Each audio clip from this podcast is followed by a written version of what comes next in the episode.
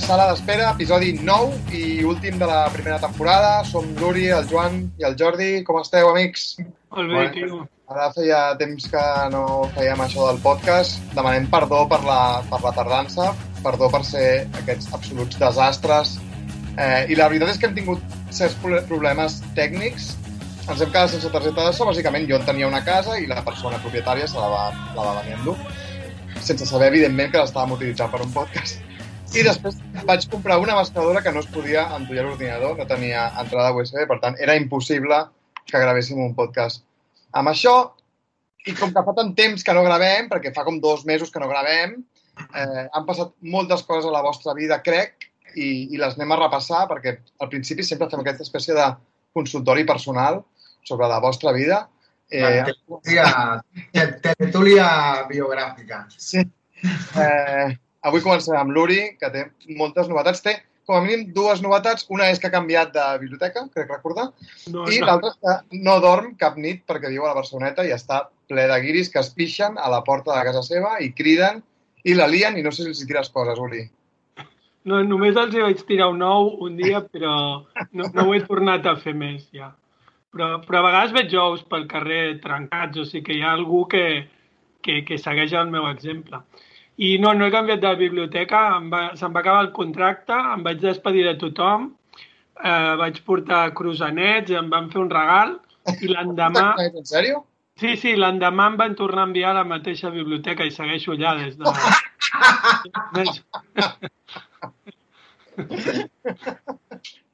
És així.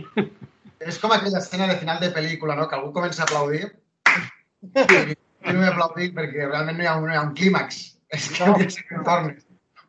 Vaig, vaig tornar l'endemà. Un ho havia dit mig en broma. Diu, ai, no ens despedim tant que igual et fan venir aquí demà. Jo, ja, ja, ja, hi, hi, hi.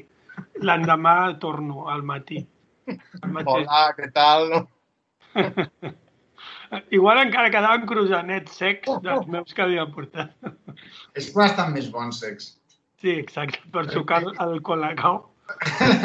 Això de Barceloneta, què? Bueno, és bastant ara hotspot. Ara, bueno, ara que han tornat a posar el toque de queda, s'ha tornat a relaxar. Però bueno, va haver uns dies que era un hotspot anticolau total. Patrulles ciutadanes que insultaven els guiris, els filmaven men- mentre pixen... Com, com? Que l'altre dia vaig veure un vídeo, no sé si el Joan l'ha vist, bueno, el Joan està una mica retirat de xarxes, potser no l'ha vist, però vaig veure un vídeo que sortia eh, com unes, unes noies que sortien com d'un carreró Sí, i llavors els veïns els hi deien com guarres i... sí unes noies també, unes veïnes d'aquí. Sí, sí, res, hi ha, un, hi ha un tio que, que estava com pixant, eh, li deien com, eh, que la tens petita i tal. Exacte, si li deien que la tenia petita. Està bé, com a lluita callejera, Si no, vull dir, uh, fer body shaming uh, als tios i dir-los uh, slut shaming a les ties. Guarra i la tres pequeña. està bé. I res, l'altre dia va venir la Colau a fer-se la foto, com sempre fa, que sempre s'ha de fer la foto amb els manteros o amb, amb qui sigui ella, es fa la foto. I va dir això, que, que havien augmentat la neteja i la seguretat del barri, però que no podien anar darrere cada persona vigilant el seu comp- comportament i llavors els hi do- donava un consell que era a la nit, quan sortim d'un bar o un restaurant, parlem fluixet. O sigui, molt patètic, tio, molt puta hippie. Bueno, l'altre dia va sortir aquesta espècie de notícia, o sigui, no sé si és notícia o és especulació, de que, de que hi hagi un tancament eh, comercial a la una de la matinada. Crec que inclou discoteques i bars, i bars musicals i tal. Que és... Això ja s'està fent, no? No, clar, però fora, o sigui, després de la pandèmia, després del context pandèmic. Ah, hosti, no ho sé. Ah, que sempre es tanco a la una? Sí, sí, sí, sí. Hòsties, però això és molt... Vull Va dir... va ser una frase que va dir aquest, el, el, o sigui, ho va com insinuar l'Albert Batlle, aquest, aquest tio del PSOE que porta Aquest tio està boig, aquest tio està boig. Vull dir... Vull dir, a veure, jo ja estic molt retirat de, de la NUI, però em sembla igualment bastant, bastant locura, no? Que tancar les coses a la, a la, a la, una, a la una de, la nit. Vull dir, hi ha d'haver un terme mig entre que les platges estiguin ple, amb milers de persones fent botellón i tancar els bars perquè no hi vagi ningú, no sé. El Joan diu que està retirat de la, nit, de la nit, però ell mentre no li toquin el marge roja, Màgia Roja està xapadíssim. El Màgia Roja va, va xapar abans de la pandèmia i si no hagués xapat per la pandèmia. Però allò del Màgia Roja, allò era Sodoma i Gomorra, no? L'altre dia, o amb una amiga, em va estar explicant coses que, que havia fet i li havien passat al Màgia Roja i em vaig escandalitzar, eh? Pues, pues sí, sí, segurament. No, no, segurament, vull dir, sí, una època que vaig anar bastant i... i... Mira. El Joan era un local. Jo, jo cada vegada, o sigui, fa, fa anys que estava, jo cada, cada vegada que entrava, l'última època hi vaig anar bastant, però al principi no anava tant, però cada vegada que entrava pensava, com cony això pot aguantar un minut més? Vull dir, vull dir era tan, tan, tan, o sigui, nivell de, de, de, de, bueno, de música i de, i de, i de tot és possible i de, i de tal, que, que i, vull dir, música a uns nivells bastant potents i tal, i jo pensava, és, és, vull dir, entraves de, de cop allí, era com, és una metàfora molt, molt, molt sobada, però era com, com, com, com Alicia al País de les Meravelles, de cop entres per un forat, però bueno, no... Bueno, sí, no cal llicència, Era com una música que no es podia ballar, no? I era com... No? Com, com? No era un lloc que convidava a balla- a ballar, la música no era per ballar, tampoc, ni... Bueno, era, era una barreja com de... Sí, tecno, a vegades era com més industrial... A mi m'agradava, jo, per, per ballar, a, a mi em molava. Sí? Clar, però el que passa és que també ells feien concerts i els concerts era una cosa molt més... Um, o sigui, absolutament experimental, podies trobar qualsevol cosa. Era, era no sé, vull dir, era, era un lloc bastant guai. Jo, jo tenia la teoria de que, de que la pasta que feien a les nits, en, en la gent que anava, era com financiaven els, els concerts després, perquè portaven gent de, de França, Anglaterra, bueno, d'on d'on fos, a fer concerts per realment molt poca gent i, Ja. bueno, bastant guai el que tocava. Doncs parlant de, de certa festa o de música en directe, en directe etc. Eh, hi ha hagut els festivals que es van celebrar les, setmana, les setmanes passades, perquè comptant que això a saber com surt, coneixent la nostra regularitat a l'hora d'editar i publicar, però entenc que vosaltres no hi heu anat a cap ni teníeu especial ganes d'anar-hi, no? No, ni se m'ha passat pel cap, vaja. Els cartells Jo- que us semblaven? Bueno, um, meravella a tots. Um, que, al Vida tocaven, no? Uh, Vetusta Morla, Lobo Lesbian i Zal. Al, al Cruïlla tocaven Vetusta Morla, Lobo Lesbian i Zal. Sí, homes, Teis I el cadet tocava el mainat. Exacte. Amb la guitarra desenxufada. Um, Ja, però jo això ho vaig estar mirant. És que portava aquests, aquests jacks inalàmbrics, no? Perquè anaven... Home, pues, pues, de, devia portar una pua inalàmbrica també, perquè no, no, no va rascar la corda en cap moment. Però- no? En cap moment, en cap moment. Vull dir, és veritat que vaig mirar dos minuts l'actuació, perquè no es pot mirar més de dos minuts, allò. Estaven tocant... Vinga, una cançó, un rock and roll, reivindicant, fent la trinca, reivindicant la gastronomia catalana.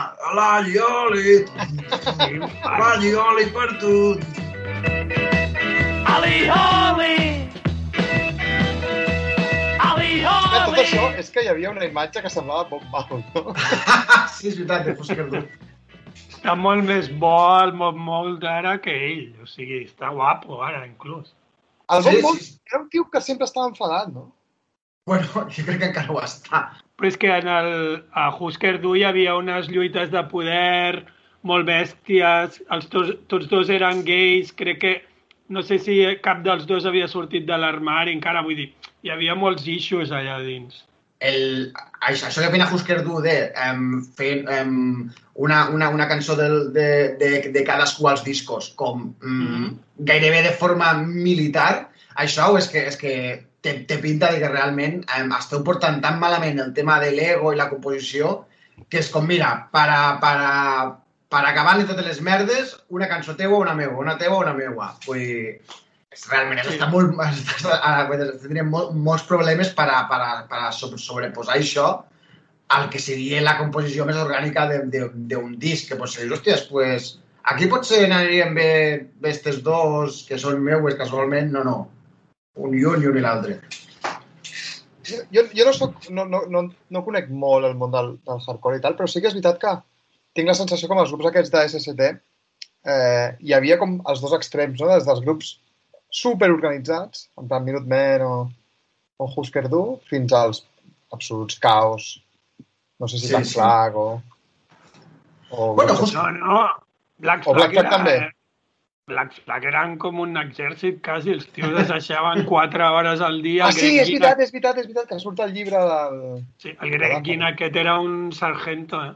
Vaig apuntar aquí el guió si teniu alguna, alguna anècdota de, de festival. Jo haig de dir que he anat a molts festivals, alguns per feina i altres per, per plaer, eh, però, clar, jo tinc una, una vessant molt entre cometes, que és de músic, i eh, he tocat a tota la meva vida tres festivals. A un d'ells, eh, que era a, a, la, vil- a la bonica vida de Flix, d'on és el. Joan, vam tocar perquè el cantant era l'organitzador. El pingüí o què? No. Sí, vam tocar el Pingüí, però perquè l'Aleix, que era el cantant del grup, era l'organitzador del Pingüí. Ah, vale, vale. Tocar- El meu Ja. fill, eh, quan era petit, deia pinguiu. Doncs vam tocar el Pinguiu de Flix. Després vam tocar un Primavera Sound, que amb una experiència molt lamentable, que això sí que no ho recomano a ningú, que és tocar el minimúsica. Ah, Perquè, clar, o sigui, Mm. Si toques hi ha 10 nens, perquè hi ha 10 nens a Primavera. home, la barreja primavera i nens, bastant letal, no? No tenia cap sentit allò, perquè a part ens van fer anar a provar, diria que a la una del migdia, i tocàvem els primers del festival, tocàvem com a les 4 o així. Llavors, clar, vam estar 4 hores allà, bevent com a, com a bojos, perquè no teníem altra cosa que fer.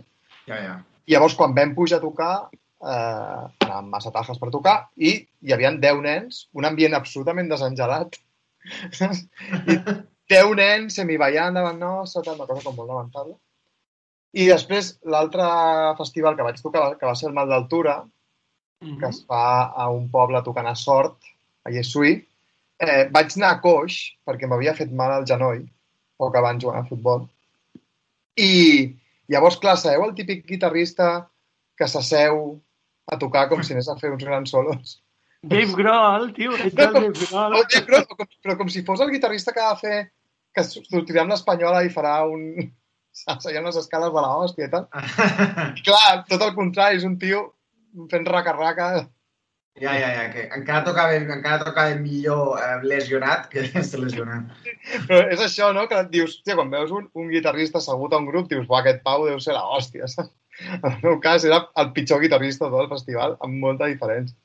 Però, sí, bueno, sí. Aquestes són les meves experiències com a músic, entre cometes, a, a festivals. No sé, vosaltres, no com a Jo, músic, jo com a músic no, però jo, jo sí que he anat a més... Jo, jo sí que hi vaig, durant una època hi vaig anar, bast, vaig anar, hi vaig anar bastant. La veritat és que... Bueno, senzillament, vull dir, venia de Flix, que jo no vaig, no vaig poder anar a concerts fins als 18 anys i coses així, i llavors pues, veia, tio, tipo Matt Honey o coses així que no havia vist a la puta vida ni m'hagués anat a poder veure. I, bueno, és el, el que s'ha criticat molt del Primavera Sound i tal, vull dir que, que, que, que els festivals provoquen que llavors molts grups no puguen venir en sala perquè directament um, estan al circuit de festivals, però la veritat és que hasta fa un parell o tres d'anys anava bastant. Anècdotes de merda, pues, algunes tinc. La que, la que destacaria va ser que em van fer fora del Primavera Sound perquè la liar a un concert de Montguai. ojo, Vull, vull dir, o, ojo també com, com t'has de posar per liar-la a un concert de Montguai. Uh, però la, realment és un grup que ara, ara no l'escolto molt, però en el seu moment me'n flipaven molt i, i estava a primera fila i em vaig envalentonar i, i, vaig, i vaig acabar el concert a, a, a, o sigui, passant la palla. O sigui, vaig, vaig acabar el concert que, que, que, que, que em van catapultar cap a, cap a pues, on estan los segurates. I clar, els segurates em pillar un rebote de, de, d'esperits de, de collons. va, però va- vas, vas in- intentar entrar fent, fent o sigui, per sobre. No, no, bueno, vaig, vaig intentar, vull dir, estàvem fent pressió i la pressió de tal, pues, vaig acabar saltant. I, Ojo. I, no, no, no, i vaig fer, i vaig fer. I llavors eh, el segurata era un imbècil, amb, però, de- a més a més, vull dir, enorme, i, i a més em va intentar comportar cap en un racó per a, segurament va fer una pallissa o alguna així i tal, i, i a veure, no, no em van fer fora del tot, sense, senzillament vaig, vaig com sortir i, el tio em va dir, i li vaig dir, tranquil que ja me'n vaig, vull dir, realment era, era ja a les 2 de la nit i vaig dir, me, ja me'n vaig, el tio m'estava perseguint, no, sí, porque te echamos, i deia, no, no, que, que me voy yo, que me voy yo, tú no, tú no me echas. Me voy con dignidad, no? Exactament, sí, sí. Tu, Uri, eh, et vas fer famós durant un temps per, ser un insultador del primer sound professional. Bueno, no, només vaig fer un article dient que 10 raons per les que no hi aniria. El que la gent li va sentar molt malament, cosa que demostra el tipus de públic del primavera, no? Que és- Bueno, el, el públic no li va sentar malament. O sí, també.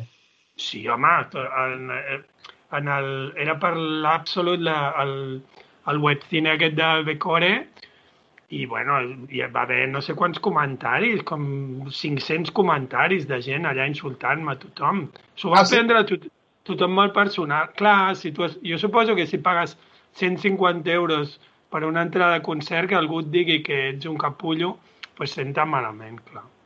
Ja. Eh, Ja. a- a- crec recordar que en el- que en l'article, no sé si ho havíem parlat això en el pod, que en l'article que ha dit el Nando que els va deixar ver, Sí, les úniques fonts eh, que van confirmar la era seva el declaració Manel. éreu tu i el Miros, no? Sí. Unes fonts molt, molt, molt fidedignes, vaja. Jo, jo he de dir, Uri, que el, que, que el teu article sobre el vaig llegir i vaig pensar, i vaig dir, pues, te- ana- anava callant i, i vaig pensar "És que té tota la raó del món. Vull dir, a mi més que res em va, em va fer avergonyir. Igualment hi vaig anar, però vaig pensar, és que, és que no, no, li pots, no, no li pots contradir el que està dient. Però em vas insultar o no? No, no, que va, que va, que va. Bueno, ara, ara creus que ja, que ja podries anar al primavera, que et deixarien entrar, Uri? Jo crec que ja ha prescrit, però bueno, el, el tema és si jo hi vull anar o no, que, que la Aquesta resposta és no. Home, és que també s'ha de dir que, que, que, que l'article que l'article de, de l'Uri és, és un article que era com molt de principis, i vull dir, era un article com, com gairebé ètic, ho estic dient com, com d'una manera elogiosa, però Bueno, la- i que- l'article, el, el, el del Nando Cruz, que estava molt bé, però el Nando Cruz era anem a treure la merda de, de Gaby Ruiz con el cochecito metiéndose Exacto. farlopa, vull dir, eh, No, no, i- fotomuntatge, fotomuntatge del padrino és, eh, no, és grandiós aquell article, però eh, apel·lava a uns altres sentiments. No, dic que l'altra cosa és que l'article de l'Uri estava fet en un moment en què el Primavera Sound eh, estava molt menys merc- mercantilitzat que ara, i era molt I menys tant, bèstia que ara. I tant, hi havia Com fira de discos, ara, Uri? de discogràfiques independents, no sé què, encara, encara feien el paripé de, de, sem- de intentar demostrar que, que estaven aquí com per ajudar no? a les discogràfiques petites i als grups petits. Ara, per lo que m'ha dit la gent que va, ja no hi ha discogràfiques ni res, no? l'únic que hi ha és un stand gegant d'IKEA o un de, no sé, de, de, Ah, de sí? què més? De Carrefour o... No, de, no, d'Airbnb No hi ha i un d'IKEA. Sí, com una botiga... Bueno, hi ha un de SEAT, perquè deu ser qui paga, qui paga Sí, deu ser. SEAT, no? Llavors hi ha un de SEAT, no? Hi ha un cotxe allà o alguna Però em van dir que hi havia com una casa d'IKEA que hi podies Sí? entrar i descansar una estona i, i Ja. d'Airbnb també, crec. Jo me'n recordo que abans hi havia, jo què sé, l'estand dels famèlics i anaves allí a Sí. fotre fins al cul i, tampoc és que s'aprofités per vendre molts discos, però bueno, per la per, per, per, per fer un veure així d'estrangis i tal, eh, eh, estava molt bé. Per cert, ara, ara que parles, de, ara que parles de Famèlic, Joan, eh, veu, Sí. veure, veu veure el, el documental aquell sobre Vic? No, no, no, Jo no, tampoc, jo tampoc i volia saber si sortien els Famèlic. crec que sí, crec que sí. Home, suposo que sí, no? I, i, i també parlant d'això, de...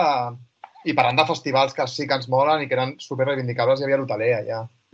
Sí, i, el- i, i el Sugar, que no sé si va I el sortir. Sugar, suposo- exacte. Suposo clar. que, el, si, si ha sortit el Sugar a TV3, el Ramon encara, el Ramon Mas, que és el, un dels, un dels eh, muntadors i fundadors d'això, deu tindre una úlcera eh, que li, deu, li, li durarà fins el dia que l'enterren. Sí, perquè a part el, el Sugar, jo els vaig intentar entrevistar per un article fa molts anys al Mundo i em va dir que no, no donaven declaracions. Sí, és guai, el Sugar és un festival molt xulo. Haig de dir que eh, eh, eh, això m'ha fet recordar que vam tocar també el festival aquell que fan, que munten els Power Burkas a la, clot, la Clota. La clota, la clota, sí, sí, crec que és la Allà també vam tocar i també hi havia, també vam tocar com a les 5 i també estava ple de nens. Vaja, els nens ens persegueixen.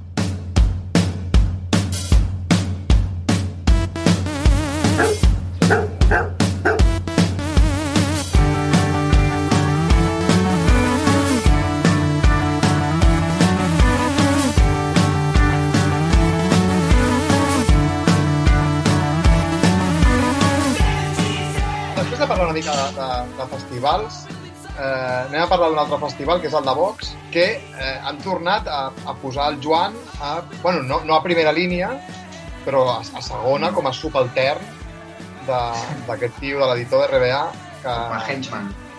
exacte, que els de Vox eh, van amenaçar directament i assenyalar eh, eh, fixant la seva, bueno, publicant la direcció del seu, del seu despatx. Com, com es va viure per allà, Joan?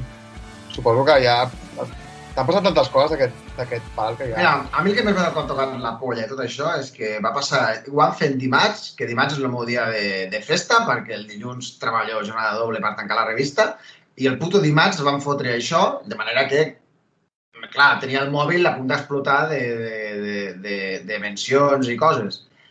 I llavors, precisament això, vull dir, van, van agafar Vox, vull dir, nosaltres havíem fet unes vinyetes, feia, feia temps, perquè això portava tots els mesos en circulació, feia que era, pues, eren, els, um, eren un, una, una, una paròdia de, de, dels cromos de, de la pandilla basura, estic la pandilla boxura, ho estic explicant, però suposo que la gent no haurà vist a les notícies perquè va estar bastant això. Però bueno, llavors, em, senzillament, què va passar? Jo crec que, que Abascal i tota la xusma de Vox portaven molt temps, bueno, portaven molt temps, portaven uns dies en el qual els estaven acusant al seu discurs eh, d'haver provocat l'assassinat tomòfob del, del Samuel a la, a, la, a la Corunya i crec que volien desviar l'atenció d'alguna manera I, i, i va ser un intent de victimitzar-se de, perquè seu, al, al tuit que van publicar posaven mirad la revista El Jueves, que cada semana se mofan de los españoles,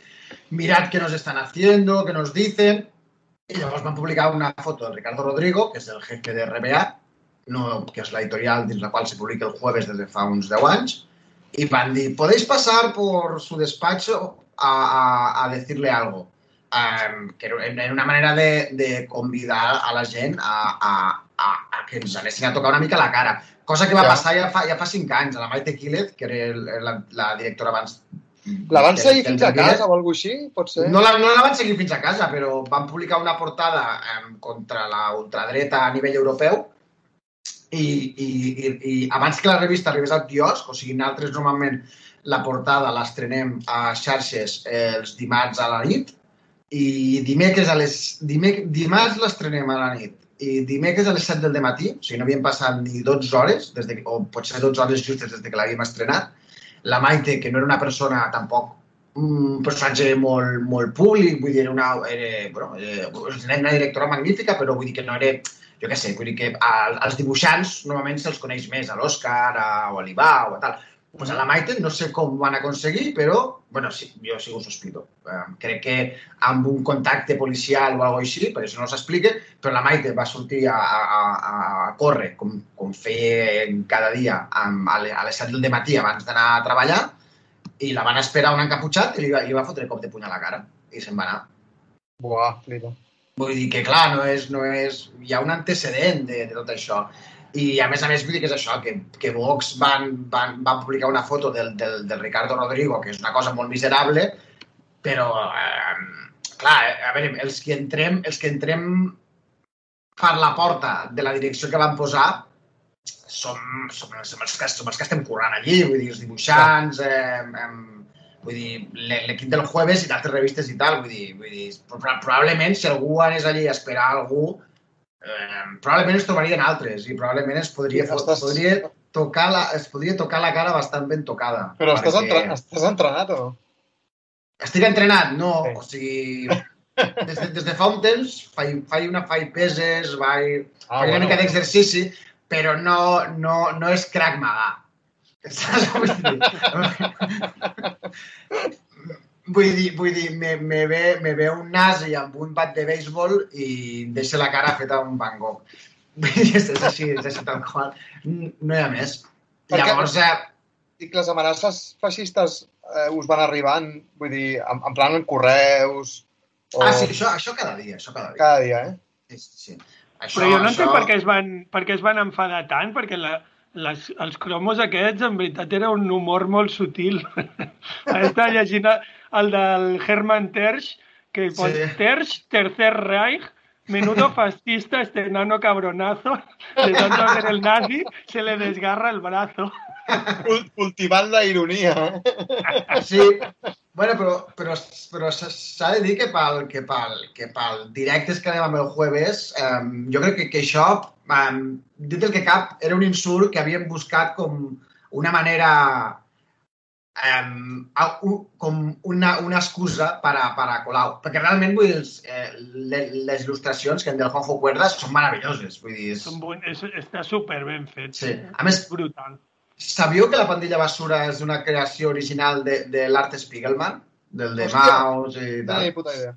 Sí, sí, sí, sí, sí. sí. Um, jo crec que per això s'han ofet els de Vox, perquè com que l'Art Spiegelman és jueu, llavors és una cosa que els va donar fotre, en plan, hòsties, aquí, dos, dos, dos... Bueno, ja ha No, no, no ridiculitzat el nazisme bastantes vegades. Sí, clar, clar, clar, absolutament. Sí, sí.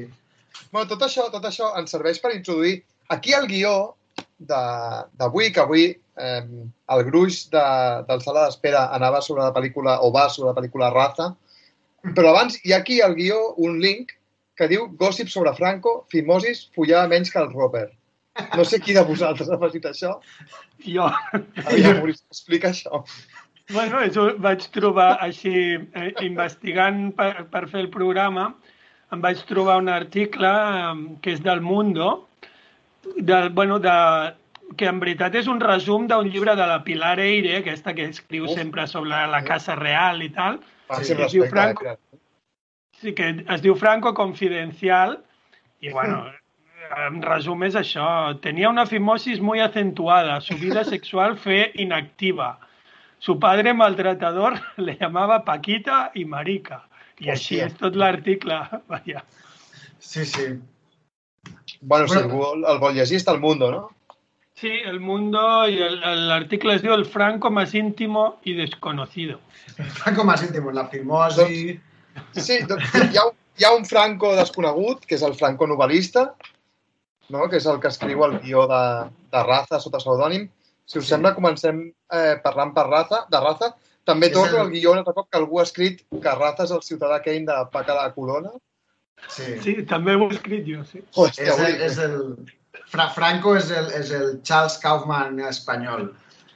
Sí. És que el, el Keipo de Llano, que era el, el fill de puta que va organitzar l'alzamiento a Sevilla, que es va carregar a milers de persones i bueno, va fotre allà un bany de sang, estava, estaven, molt, estaven molt a, a males amb el Franco, perquè eh, en els moments així de l'alzamiento i de repressió i tal, eh, es van carregar un que havia sigut amic de Franco, un militar, que igual no era tan fatxa com ells, i llavors el Keipo de Llano i el Franco es duien a matar. I el Keipo de Llano en privat a Franco li deia paca la colona. Era com els, com els àudios de Florentino. Sí. No? Exacte. Sí, Eh, eh, Franco és un tolili. És un tolilio. És un, Paco, la- és un Paca de Colona. Sí. Crec que, crec que també el que passava amb el- Quepo de Llano és que quan van fer l'alçament, crec que el Quepo de Llano eh, es volia postular com a, com a generalíssimo. Oh, I finalment, vull dir, una, una lluita de poders i tal, i va acabar sortint Franco, que també, vull dir, imagineu la, la, la, la de ADN de, de, de llefa podrida que devia haver a l'exèrcit, com perquè el que sortís de, de ma- macho alfa fos Francisco Franco. Eh? Exacte. Aquell nano deforme... Bueno, això, pitxa fluixa i mil coses més. Sí, sí, sí. Que, que le hacen cridar a la Barceloneta. Oye, que tú la tienes pequeña, no, no Exacte, me això que aquí. corre. Doncs anem a parlar de, de Raza, aquesta pel·li, aquesta pel·li feixista que es va estrenar el 1942 i que va ser un èxit, cosa que, que era bastant... Vull dir que, que se, se podia saber, perquè era una pel·li de, de propaganda. Es va gravar en 109 dies amb un pressupost de més d'un milió i mig de, de pessetes, que llavors era bastant bèstia, i que van participar fins a 1.500 extras, que són mogollon per una pel·li de 1942, però que he estat buscant informació i eh, buscar informació va ser posar al Google pel·lícules com més extras de la història i aquesta és Gandhi, que a Attenborough va, en, un, en un atac de megalomania va posar 300.000 extras a, a dius? sí, sí, sí, sí, sí, a l'escena d'enterrament de Gandhi. El Sí. paio, sí, sí, sí, 300.000 persones, tio. No sé què els hi va dir que pagar, eh, aquella pobra gent. Un, bocat. I una Coca-Cola. Pues Eh, sí. Eh, Sí, sí, llavors... No, Eh, a, a, a, a, abans se deia molt, no? Diu, ah, he anat a la Índia i els he regalat bolis Vic a la gent quan viatjava. Això, Sí, no, això, que és que és una cosa com molt bastant racista, però jo me recordo Sí. que als 90 i tal s'hi dia molt, eh? Hòsties, he anat allí o a l'Àfrica i als negritos els he portat uns bolis Vic i me'ls tren de les mans. Bueno, això, jo això ho havia sentit molt amb Cuba, no? que la gent portava com material escolar. Sí.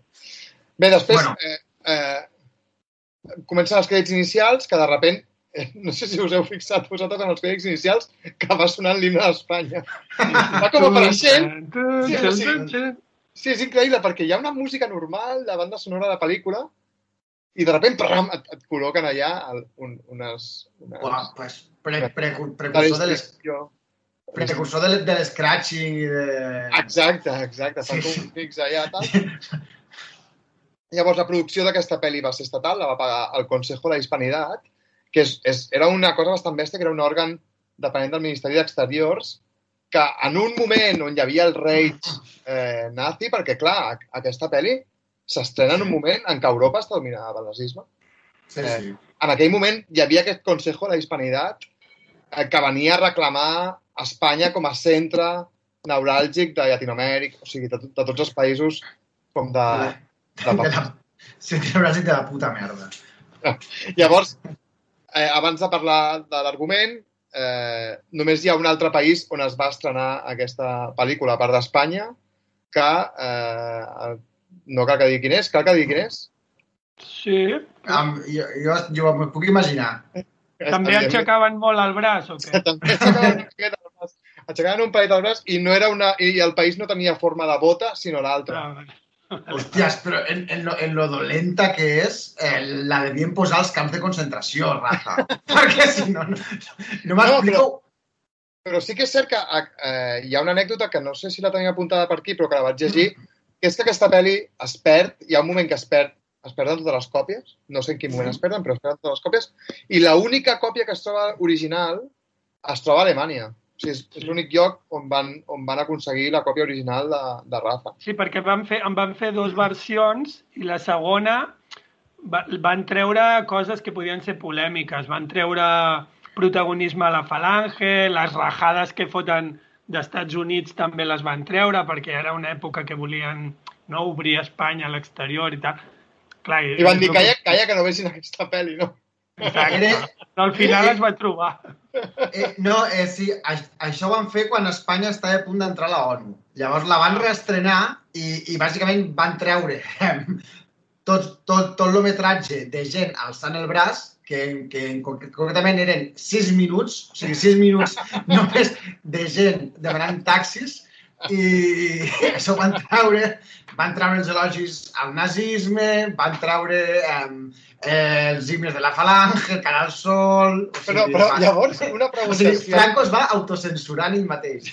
si algun dia Catalunya vol ser independent i va a la ONU, eh, haurem de censurar les pel·lícules de- de- d'Isabel Coixet? Fè- Fènix 319, aquella que va fer el... el Haurem de canviar les... El, que haurem de fer és cremar tots els llibres que han escrit els que estan a la presó, perquè vaya basura, tio. Ah, però tampoc ne... no, no has fet l'esforç de llegir l'esforç de llegir la Capuri. No, no, no. Clar, però m'ho puc Ara de imaginar puta pel, pels títols, els contes als meus fills i no sé què va, home. Ja. Bueno, va, anem a, anem a parlar d'argument, anem a parlar de, Va. de raza. Qui, qui, Bueno, qui si ara explico l'argument. Primer volia dir, bueno, volia dir una última cosa, que, que tenint en compte que era un instrument de propaganda, si ho compares amb les pel·lis de la, de la Leni Riefenstahl, vaya basura de- de- d'instruments de, de propaganda, perquè allò són obres mestres i això és un zorongo Sí. impressionant. Joder, és que, és que els nazis feien, feien pel·lícules documentals de muntanya que són molt millors que Raza. Sí, Però eren, eren excursionistes bavarians eh, pujant muntanyes. I Sí, però, però Rafa és una mica el, el Lost del franquisme. Vull dir, té aquest component, aquest component... No, però té, té aquest component addictiu. Vull dir, jo no podia deixar Ah, de sí? mirar. Igual que passava amb Ja. Lost. Sabies que era una merda que no portava enlloc. Doncs Raza és una merda que no porta enlloc. Bueno, només Sí, sí, sí. porta a llocs horrorosos, però no pots parar de mirar-la. Té com aquest Ja, component. jo em pensava que m'avorriria i la vaig veure del tirón, eh, també. Aviam si serà bona i tot. Aviam si serem nazis. A Bueno, si ja... aviam, aviam una cosa. De quantes pel·lícules hem parlat d'aquest podcast? Vam parlar d'aquella, del tio aquell que ballava cúmbia i de Sí. Raza. Pues, joder. És que va, va començar com una broma el de raza, perquè jo l'havia vist fer temps amb, amb, amb, no l'havia fet temps per, per, amb uns amics que vam decidir fer un cicle de, de cinema, de pel·lícules eh, fetes per dictadors, que tampoc n'hi ha tantes, eh? vull dir, ja és una de Idi Amin i, ui, si no recordo malament, una, la de Pulgasari, que és per l'antic dictador de Corea del Nord, que va fer una pel·lícula de Godzilla, comunista. Um, llavors, la vaig veure per fer la broma i tal, i llavors vosaltres vaig dir, ostres, vaig començar, per què no mirem raza i la comentem? I, i, i us vau motivar molt, tant l'un com l'altre. Sí, a mi em va semblar Sí, bé, clar. em va semblar divertit. Jo, jo és que no l'havia vist i mira, em va explicar la curiositat i vaig pensar, mira, va. Bueno, us explico l'argument, així intentaré vinga, anar vinga, ràpid. vinga. Bueno, petit resum de l'argument. Bueno, la pel·li comença amb el marí Pedro Churruca, que... Sí, el nom és bastant patètic. Però, I, però bueno. les, les pipes xurruca ja existien? Aqu- Aquesta és la gran pregunta. Vull dir, és el que tots ens vam, els tres ens vam preguntar quan vam començar a veure la pel·li. Home, sí, sí. Hi ha unes pipes xurruca l'any 42? Jo, vaig- jo, jo, jo, jo vaig pensar, i si, i si s'hagués dit eh, Pedro Grefusito? O, o Pe, Pedro eh, Fritz Rabbit, que per cert, Fritz Risqueto. són, són Pedro Risquetos, que, que, que Fritz Rabbit, per cert, i l'altre dia vaig descobrir que són de Girona, no són, no són de, de Munster o alguna cosa així. Sí, Sí, és com la típica, és com la típica marca com Haribo, que també és com de Banyoles. No sé què. Sí, sí, sí, sí, sí. Acabo de veure que Pipers Churruca, eh, fundada en 1932, es una empresa líder en la comunidad valenciana en el sector de los frutos secos. Hòsties. Product Eh, placement. És el placement, és veritat! O sigui, molt, Ara- abans, de, molt abans de, de Médico de Família ja hi havia sèries fent product placement. Potser li, potser Bueno. li dien el xurruca a Franco perquè la tenia com una pipa. De, de, de, de, La Bueno, saladeta. Uh, hòstia, deixem continuar amb l'argument, perquè només has dit Pedro, Pedro Churruca i han fotut un excurs de, de 5 minuts. Bueno, pues és, eh, la pel·li comença amb el marí Pedro Churruc aquest, que torna d'una campanya a no sé on. Eh, eh, bueno, el tio explica que bueno, es veu allà com, com es retroba amb la família i tot allò, i llavors l'envien a Cuba, a la guerra de Cuba, l'any 1898, que quan perden la guerra i es perden totes les colònies espanyoles d'ul- d'ultramar, menys Exacte. Guinea i no sé què més. Petit, petit incís, hi ha una crítica brutal al govern, al govern que envia els militars a Cuba. Ja al minut 1. Sí, Sí. sí. I llavors, a, amb això m'ho vaig apu- apuntar, que, que minut, minut 14 de la pel·lícula ja estan insultant els maçons. Sí. Diuen que tot el que està passant a Cuba és culpa dels maçons. És culpa dels una, un, un, una, una anàlisi de la geopolítica del, del moment eh, super audaç i, i, i visionari. Però llavors, els, envia, els envien, segons diuen allà, que en realitat és veritat, això que els van enviar allà a morir, vull dir, Sí, que era una, era una guerra perduda.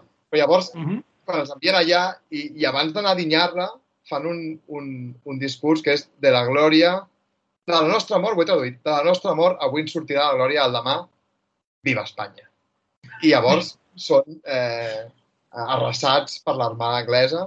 No, els americans. Ai, perdó, per la... Per la... No, no, no, perquè, no, perquè et confons perquè després, al començament ell explica la vida d'un avantpassat seu, també xurruca, que mor a la batalla de Trafalgar. Ah, exacte, Aquí és el que li tallen, el que li tallen, la, el que li tallen la, la cama, El que li tallen la cama. que és molt bo també això perquè explica que... És que jo m'he mirat la pel·li amb molt, molta, molt, vull Sí, dir, sí. molta concentració. que Es, el, en el tio li tallen la cama i diu va intentar que els seus companys de barc, de vaixell, no veiessin que havia perdut una cama i els hi va dir, siguen, siguen. Sí, una mica com Monty Python, el caballero negro. És solo un rasguño. Pues siguen, Continuad siguen. atacando a la, a la, a la, a la pèrfida Albion. Exacte. Exacte. Bueno, doncs pues això, el marí Pedro Churruc aquest eh, casca a Cuba i llavors la, la seva vídua, la vídua de, del capità Churruca sènior aquest, educa els seus fills, ¿vale? Que és com la típica família de l'Opus, que són uns quants, i, i, i tots segueixen camins molt diferents, no? Tots, tots els Eh. camins són el mal, absolutament. Exacte. sí. Tots els camins són els típics de fatxa d'aquella època. La, la Isabel, la nena, es casa amb un militar. El Jaime es fot a frare. Frare, Pedro- també, perdó, minuto que surt el frare amb un nen. Minuto també, minuto. Sí, sí. Sí, sí, i això no és una crítica Això no és una crítica, és una realitat. involuntària, involuntària però... Llavors, fi, els dos altres fills, Pedro Júnior, que es diu com el seu pare, eh, segueix la carrera política, però amb els republicans, i el José, la militar. Vale? Però llavors ja esclata la Guerra Civil i la família bueno, es desintegra. Llavors, el Pedro i el José, que són com els dos germans, que són com els més protagonistes, es troben al, al Madrid republicà eh, ja as- assetjat pels feixistes, diguéssim. El primer ocupa, el Pedro, ocupa un important càrrec al govern republicà, mentre que el segon és capturat a, ca a causa de les seves activitats quintacolumnistes i el condemnen a mort.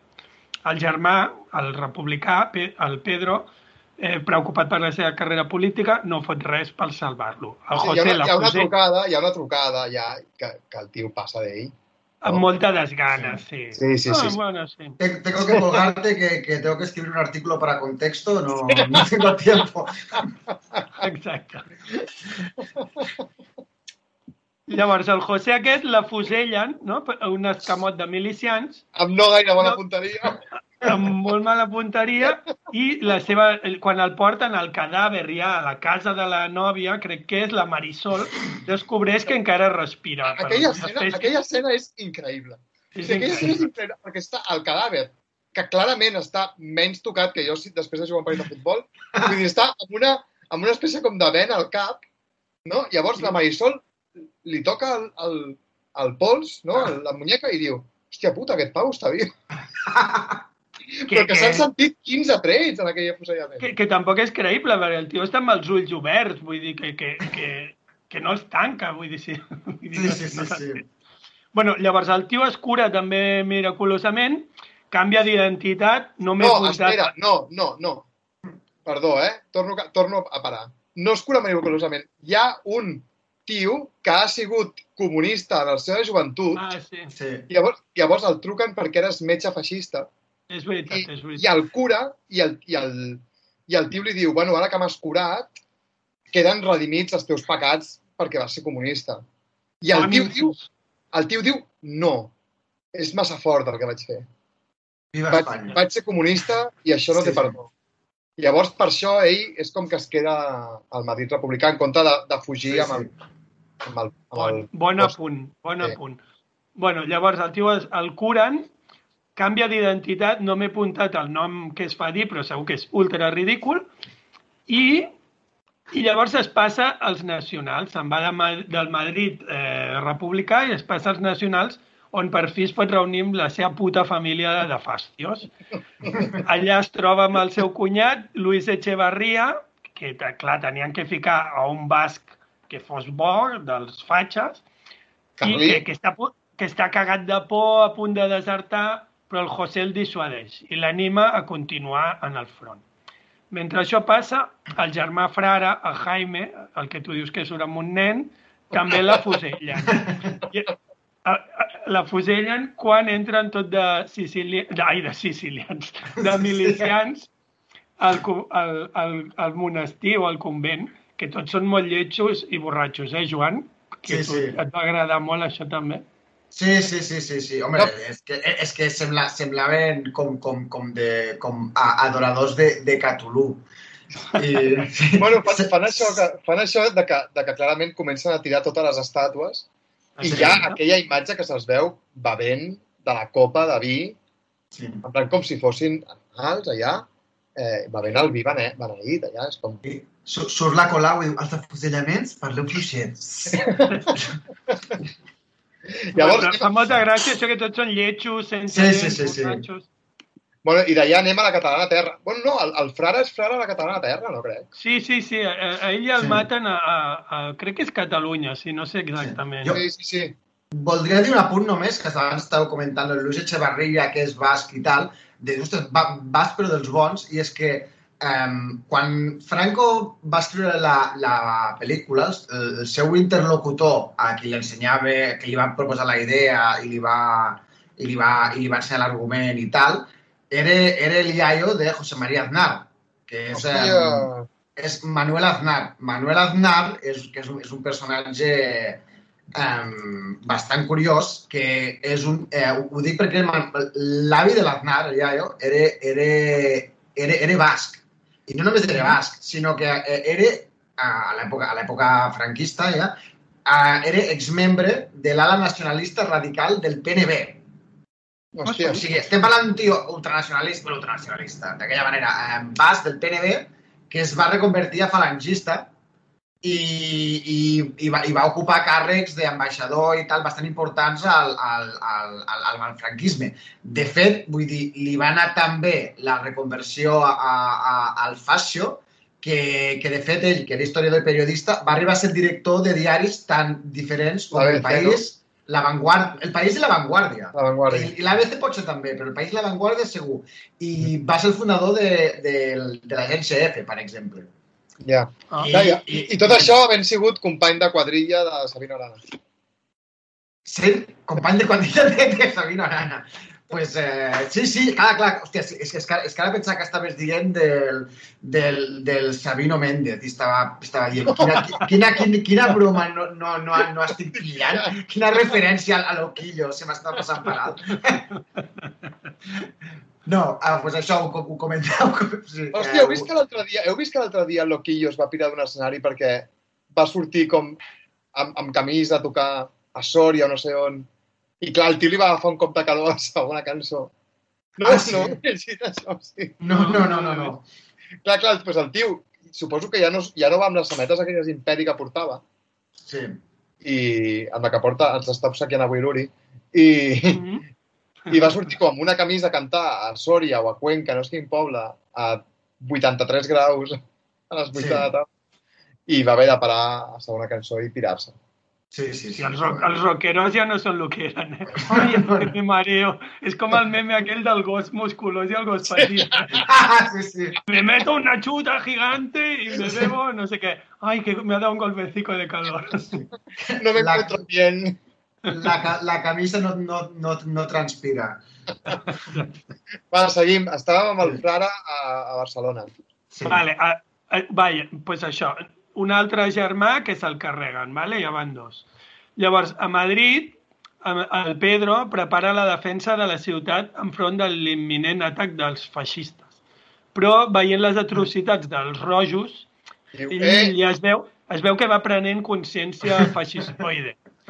Fins que rep la visita d'una vídua de militar que s'ofereix com a espia per revelar secrets als nacionals. El Pedro, que ja dubta, ja nega la república, al final li passa els documents confidencials, però el pillen i no endevinareu què li passa. També el condemnen a mort al, als republicans. I, sí, però abans de que l'afusellin, aquí sí que el, el, el, el, el Franco o el Saez d'Heredia o el qui fos fiquen aquí el discurs que seria Sí. com, com a Shakespeare, pues no, pues el discurs de Hamlet seria el discurs d'aquest pavo. Un discurs allò mirant a l'horitzonte, superèpic, lacrimogen, cara de boig perdut, i al final crida «Arriba Espanya!» I res, també el pelen, cap miracle aquest. Llavors, ja arri- sí no sé, i, a- i arriba a Espanya. Aquí és, és Exacte. la comparació, els paral·lelismes que estem traçant. Llavors, un cop casca aquest, la pel·li ja acaba, llavors ja es veuen tot d'escenes, algunes d'arxiu i tal, el desfile de la victòria, Madrid alliberat, la croada anticomunista ha triomfat i Espanya es converteix en la reserva espiritual d'Occidente. Llavors, en, entre aquestes escenes èpiques no, de, del desfile de Victòria, es veu com un sacerdot li explica al José, que és el que va mig ressuscitar, que el seu germà Pedro al final va morir com un xurruca. Pues això, cridant Viva Espanya i després d'aquest discurs Com un xurruc a, a, Exacte. a, a, rebossat de sal. a la pel·li ho, ho diuen com algo molt èpic. Ha muerto com un xurruca, però clar, avui en dia no, no es llegeix així. Bueno, llavors ve el final final, que, que, que es veu que, que entre el públic hi ha la Marisol, la nòvia del José, de l'heroi fàstio de la peli, la germana Isabel i els fills. El, I mentre el José està allà desfilant amb la guàrdia mora i su puta madre. I al final, al final, és un dels nens li pregunta a la Isabel, que és la germana de tots aquests, diu, mamá, mamá, ¿cómo se llama esto que estamos viendo? Y la mare li respon d'un la emoció. Esto que estamos viendo se llama raza, hijo mío. En fin. Grande, grande. Ara m'he recordat un moment uh, de la Marisol meravellós que em va fer recordar molt a... O sigui, em va fer recordar, però no per, perquè les, les escenes s'assemblessin a, a Cinema Paradiso. La teniu controlada, Cinema Paradiso? No l'he vist. Una pel·li del... tampoc. Felipe Sé quina és, Tornatore. però no... Una pel·li molt guai que parla una mica sobre la història del cine en un poble italià, sicilià. Però és bona o és així una mica Roberto Benini lacrimògena, una mica pesto, Sí, és, és una mica així, però jo diria que d'aquestes és la millor. És una pel·li supermaca. Vale, vale. vale. Eh, jo, jo la vaig veure moltes vegades d'adolescent, llavors sí que és veritat que tinc aquesta visió molt adolescent i, i molt entusiasta de la pel·li, que després quan l'he vist de gran... És la típica pel·li que quan li he posat a algú he sigut molt entusiasta i després quan l'he vist he pensat, hòstia, no n'hi havia per tant. Però- Però si tu, però si tu eres un gangster rapper, a, a casa et feies la ploradeta o què? No, però, que, no, però estic parlant dels 14 anys, que ens tarda per Ah, vale, vale. Ah, Després et vas tornar xungo. Després et bueno. vas tornar xungo, no? Sí, exacte. Vaig passar d'això a los, los chicos del barrio, no? Es deia pel·li. Sí, la d'Espanya.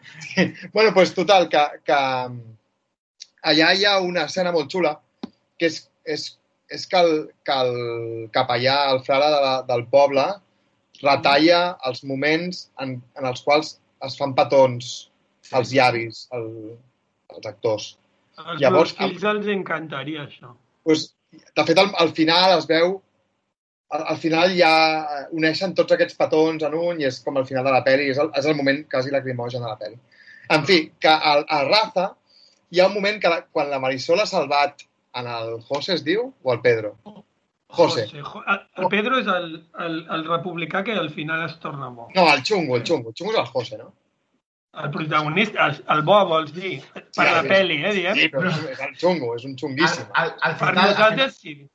al final xungo ho, ho acaben sent tots. Sí, però, sí, però aquest, aquest ho és tota l'estona. Sí, sí, sí, sí. sí. És increïble. bueno, doncs aquest, quan la Marisol el, el, el salva i el, i, el, i el metge aquest excomunista li diu pira't perquè et vindran a- buscar, no sé què. Llavors ell té un moment a soles amb la Marisol que, clar, jo vaig pensar, li fotrà un muerdo o no? I el Pau li fa un petó al front. li fa un Ah, petó al vale. front, en plan, bueno, doncs ja ens veurem. I li fa un petó al front i a pas que ja com... Vale. Em Això és el que anava a dir, que, que la pel·li, és, a part de ser un pamflet o fatxa repugnant, és molt dolenta, vull dir, el guió està fet com el cul. Jo em vaig passar tota la puta pel·li, fins que no vaig llegir alguna després, i jo em pensava que era la germana, tot el rato. És que cap moment Sí, narrativament no, Ja. està gens ben explicada. Gens ben No. explicada. fot uns No. salts i, un, i uns forats de guió impressionants. I es, es, es veu que a l'època um, els crítics la van, la van lloar molt eh, i, i van lloar molt especialment el guió, que dient, dient oh, que, que, que, mara, que, que, que grandeza, ¿Quién ha escrito esta maravilla? ¿Quién lo habrá escrito este, este tal eh, José Andrade? No podemos imaginar quién ha escrito Eh, esta maravilla. És impossible que ningú sabés que allò no ho havia, ho, ho havia fet Franco o algú afí, perquè, perquè, perquè realment és una puta merda que no s'agafa per, per, per cap lloc. Que a més a més això, vull dir, com a, com a, com, o sigui, la idea és reivindicar um, la raza, um, el feixisme, l'espanyolitat, i bàsicament el que fa és fotre merda sobre els comunistes i els maçons. Mhm. Exacte. Vull dir, és, perquè- és, és quasi una pel·lícula d'antipropaganda, més que de propaganda. No, però el que Sí. sí. que és veritat és que es passa tota l'estona... O sigui, ell, ell està tota l'estona defensant uns valors. Això, sí, això sí, sí. m'hi haig fixar que és que al minut 1 ja es parla de que no li has de fer mal als animals, no sé què. Vull dir, hi ha com una... O sigui, la propaganda és com molt constant a nivell de discurs. Llavors, Sí. durant tota l'estona es, van, es van exaltant di- diversos tòtems feixistes, sí. en plan la família, el sacrifici, l'honor de l'exèrcit. Vull l'honor de l'exèrcit està super present tota l'estona a, Sí. a la pel·li. la religió, el deure, el que ha de fer un espanyol, Sí. això està tota la santa estona. Revista Mongolia, que hi ha un moment que diuen, hostias, ¿qué, qué gracia tienen estos de Revista Mongolia? Exacte. Me, me son políticamente incorrectos. Doncs després hi ha una cosa que, que, que em va fer molta gràcia també als títols de crèdits, que és que el, el primer que surt, el primer que veus quan comença Raza és un Chiron, un rètol, que posa la, super, la gran superproducció espanyola. Mhm. Sí, és, una, és un paret pretensiós, sí, sí. però que vaja, al I- final és un blockbuster com d'aventura, és una pel·li palomitera. Però, però, però després, quan la veus, sí que hi ha moments que, que hi ha extras i això, es veuen escenes no, marines i tal, però hi ha moments que sembla Plan 9 from Outer Space. Vull dir, el moment que ensenyen la mort de l'avantpassat a Trafalgar, del, del capitán Cosme Damián Churruca, eh, és que és, és el mateix actor que fa de Pedro Churruca, no? del, del pare de tots aquests fills, Sí. però amb una perruca blanca, com la que porten els pallassos de la tele, Amb, I amb unes jo- curres, no? Sí, amb unes patilles com blanques també com de, de, dels xinos, i el tio allà molt de fum i morint-se contra una paret, però vull dir, és com plan 9, és Sí, cutríssim. sí, sí, sí, sí. Doncs només per acabar, explicar-vos que, que es veu que aquesta pel·li està catalogada com a bé d'interès cultural.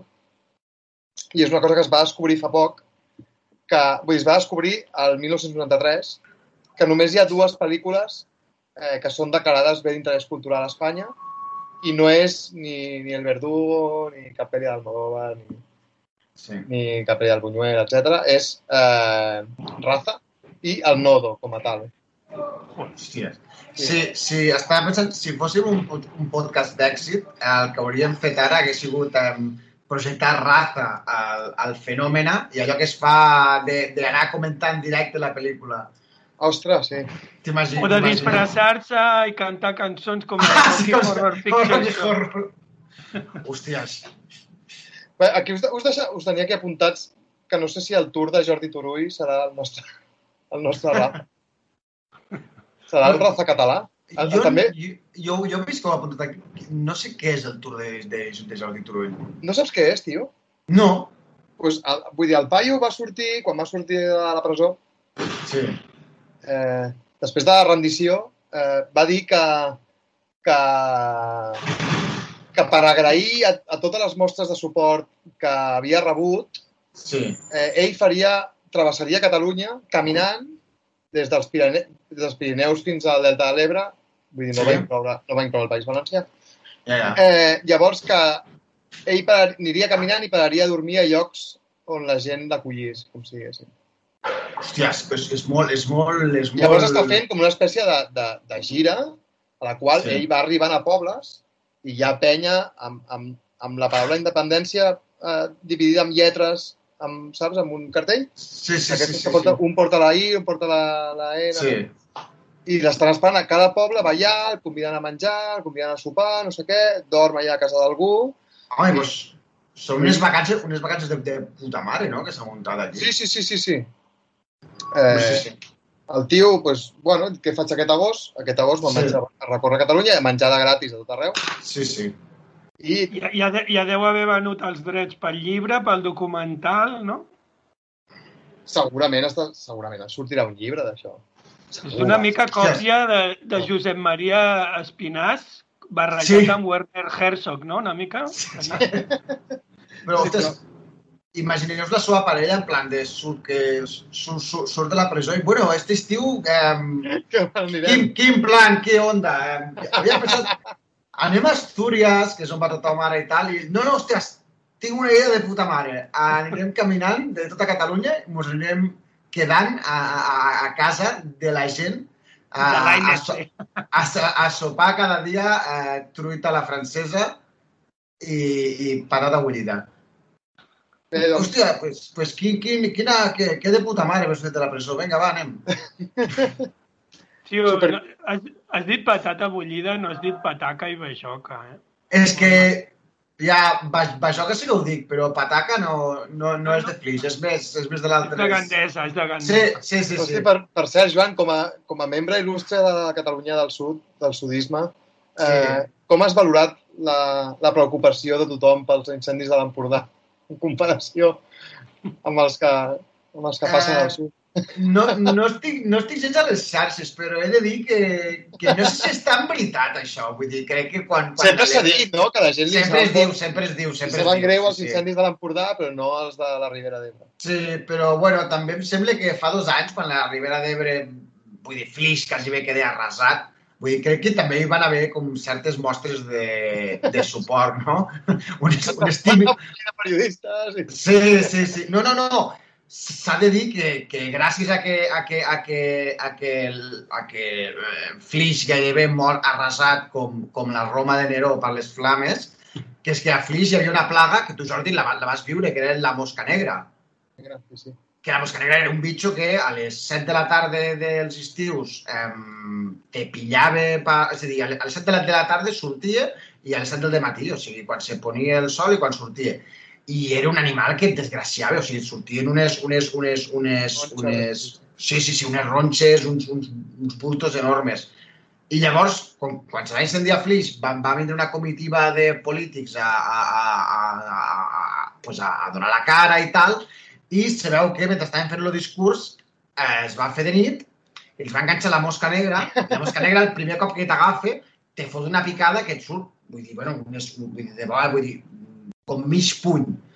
I, i, i, i a partir d'allí es veu que van dir, hòstia, esta, esta penya estan fotuts. I realment des de llavors ens, a Flix ens han fet un tractament químic, com si no hi hagués prou química, eh? però ens han fet un tractament químic als estius i tal, que han gairebé erradicat la mosca negra. Ostres, en sèrio? Que fort. Sí, sí, sí, sí, sí. sí.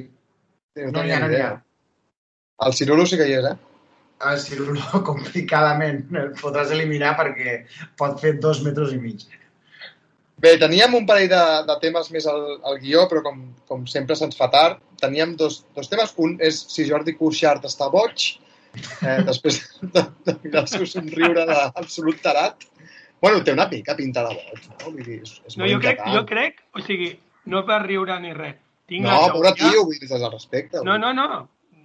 Bueno, sí, crec que s'ha tornat boig. O sigui, Jo crec crec que que tot això que li ha passat aquests anys se li ha anat l'olla, vull dir, volent ser Ui. tan optimista, això, vull dir, està desconnectat de la realitat. Tot això meva- dit des del respecte a les malalties eh, mentals i Bueno, tal, vull dir, amb, amb absolut humor, però fa cara de no, de no ser-hi no ser tot, no? Mm. Ah, sí, no, no. No, no, no, no està bé, vull dir, necessita tractament. Descansar i... No? Sí. Bé, eh, és igual, tenim això. I, i després, eh, si us sembla, acabem fent unes recomanacions de, de cares a l'estiu. Qui comença? Uri? Mm, vale, jo l'altre dia vaig veure un documental molt bo, que, que, bueno, que jo sempre vaig tard, perquè ja soc un senyor gran, i es veu que es va veure el, el festival aquest americana de fa dos anys, aquí a Barcelona, i és un documental on veiem el pas a l'edat adulta de tres skaters, un d'ells és el, el Bing Liu, el director del documental, i el segueix al llarg de 10 anys. Amb això és una mica com la peli aquella...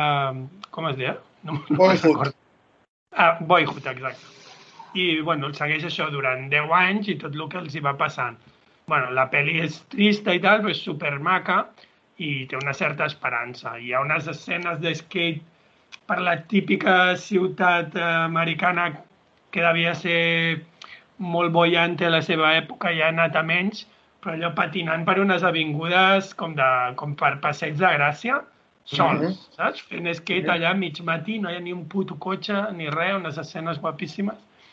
I això és molt xulo doncs perquè el rotllo skater només és com l'excusa per ensenyar-nos no, els problemes que es van trobant i el, el traumàtic que és fer-se gran.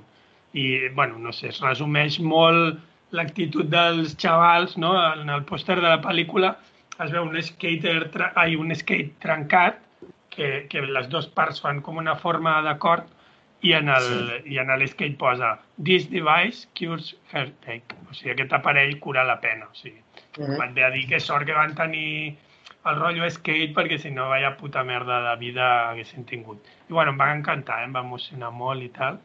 I, La, la cosa és que els, els skaters, eh, si segueixen al llarg de 10 anys, vol dir que acaben amb, amb 30 anys, quasi.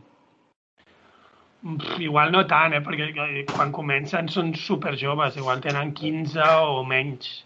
Ah, vale, sí, sí, vale. però, però, però vull dir, és aquest rotllo una mica amb, americà, una mica redneck, que n'hi ha un que té un fill, potser el té amb 20 anys, ell, eh? Vull dir, Sí, ja. i, i, i, al, i als sis mesos ja s'han separat de la parella. Això vull dir, és una cosa així una mica una mica sòrdida, però bueno, que està bé, està molt bé.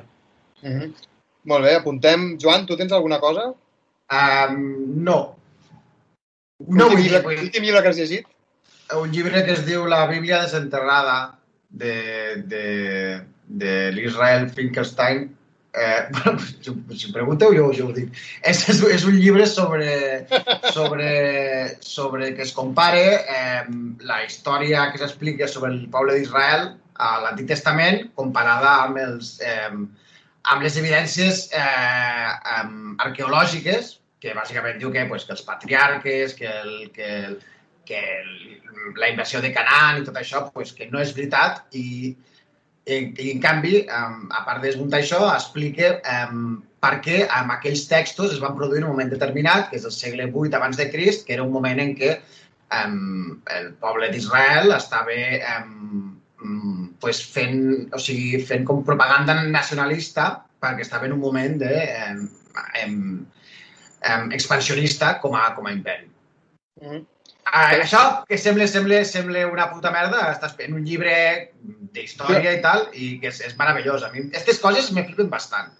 I llavors, quan, quan entro en aquesta dinàmica, pues, llavors a, a ratos tontos miro pues, um, vídeos de, de seminaris de Texas que es diuen um, Déu ha parat de fer miracles o poden els cristians prendre antidepressius? Ostres, I llavors sobre entro, això, entro en, una, en dinàmiques una mica d'aprofundir, una mica maníaques. Perquè Una- llavors vaig arribar a racons una mica estranys.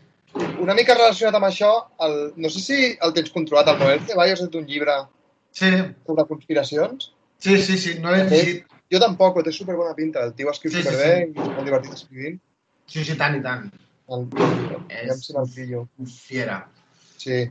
Eh, bé, doncs jo recomano, i ja és l'últim que recomanem abans de marxar fins al setembre, que al setembre tornarem amb una taula de so, espero, i, i ho podrem fer en viu, perquè avui ho estem fent per Skype.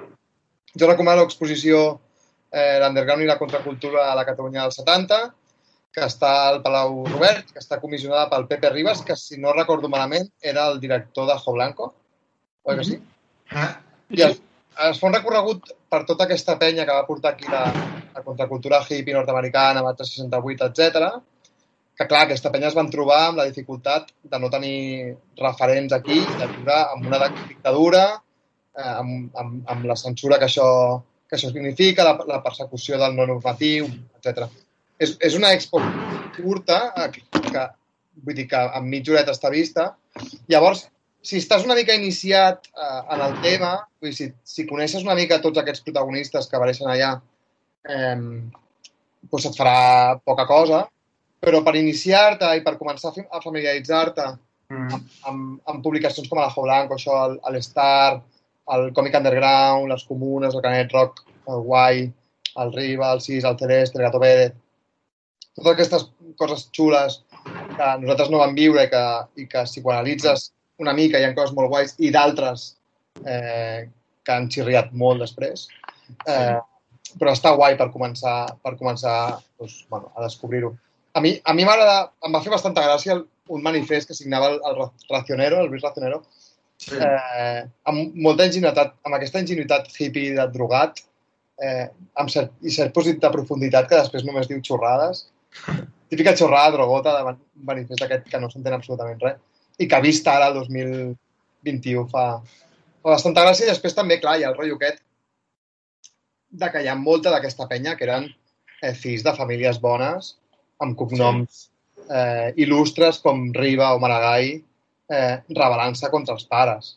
Ja. Sí, és el que t'anava a dir. Surt, I surt a algun lloc el Pau Malvido aquest o no? El Pau Malvido surt, surt, eh, surt nombrat la columna que feia, que era nosotros, ah, ho has escrit aquí, nosotros los malditos, que jo diria que era, era Jo Blanco també, no? Crec recordar. Mm, no o Star, eh? No, O no estic segur. No ho sé. I, bueno, des, estan recopilades en el llibre aquest d'anagrama Sí. que, encara, es- que encara es va reeditant, això. No, el llibre aquest anagrama jo l'he demanat, eh, li vaig demanar a la Fanny Manresa, una col·lega que corre allà, i em diu que és el típic llibre que li demana a tothom i que fa mogollon d'anys que no és trobable. I Ah, és com... sí? Sí, és, el, és en plan, tots m'acabeu demanant un dia o altre, m'acabeu demanant el llibre del Pau Malvido. És Que, que, no, és que que no ho hem dit, però és el germà del Pasqual Maragall i l'Ernest Maragall.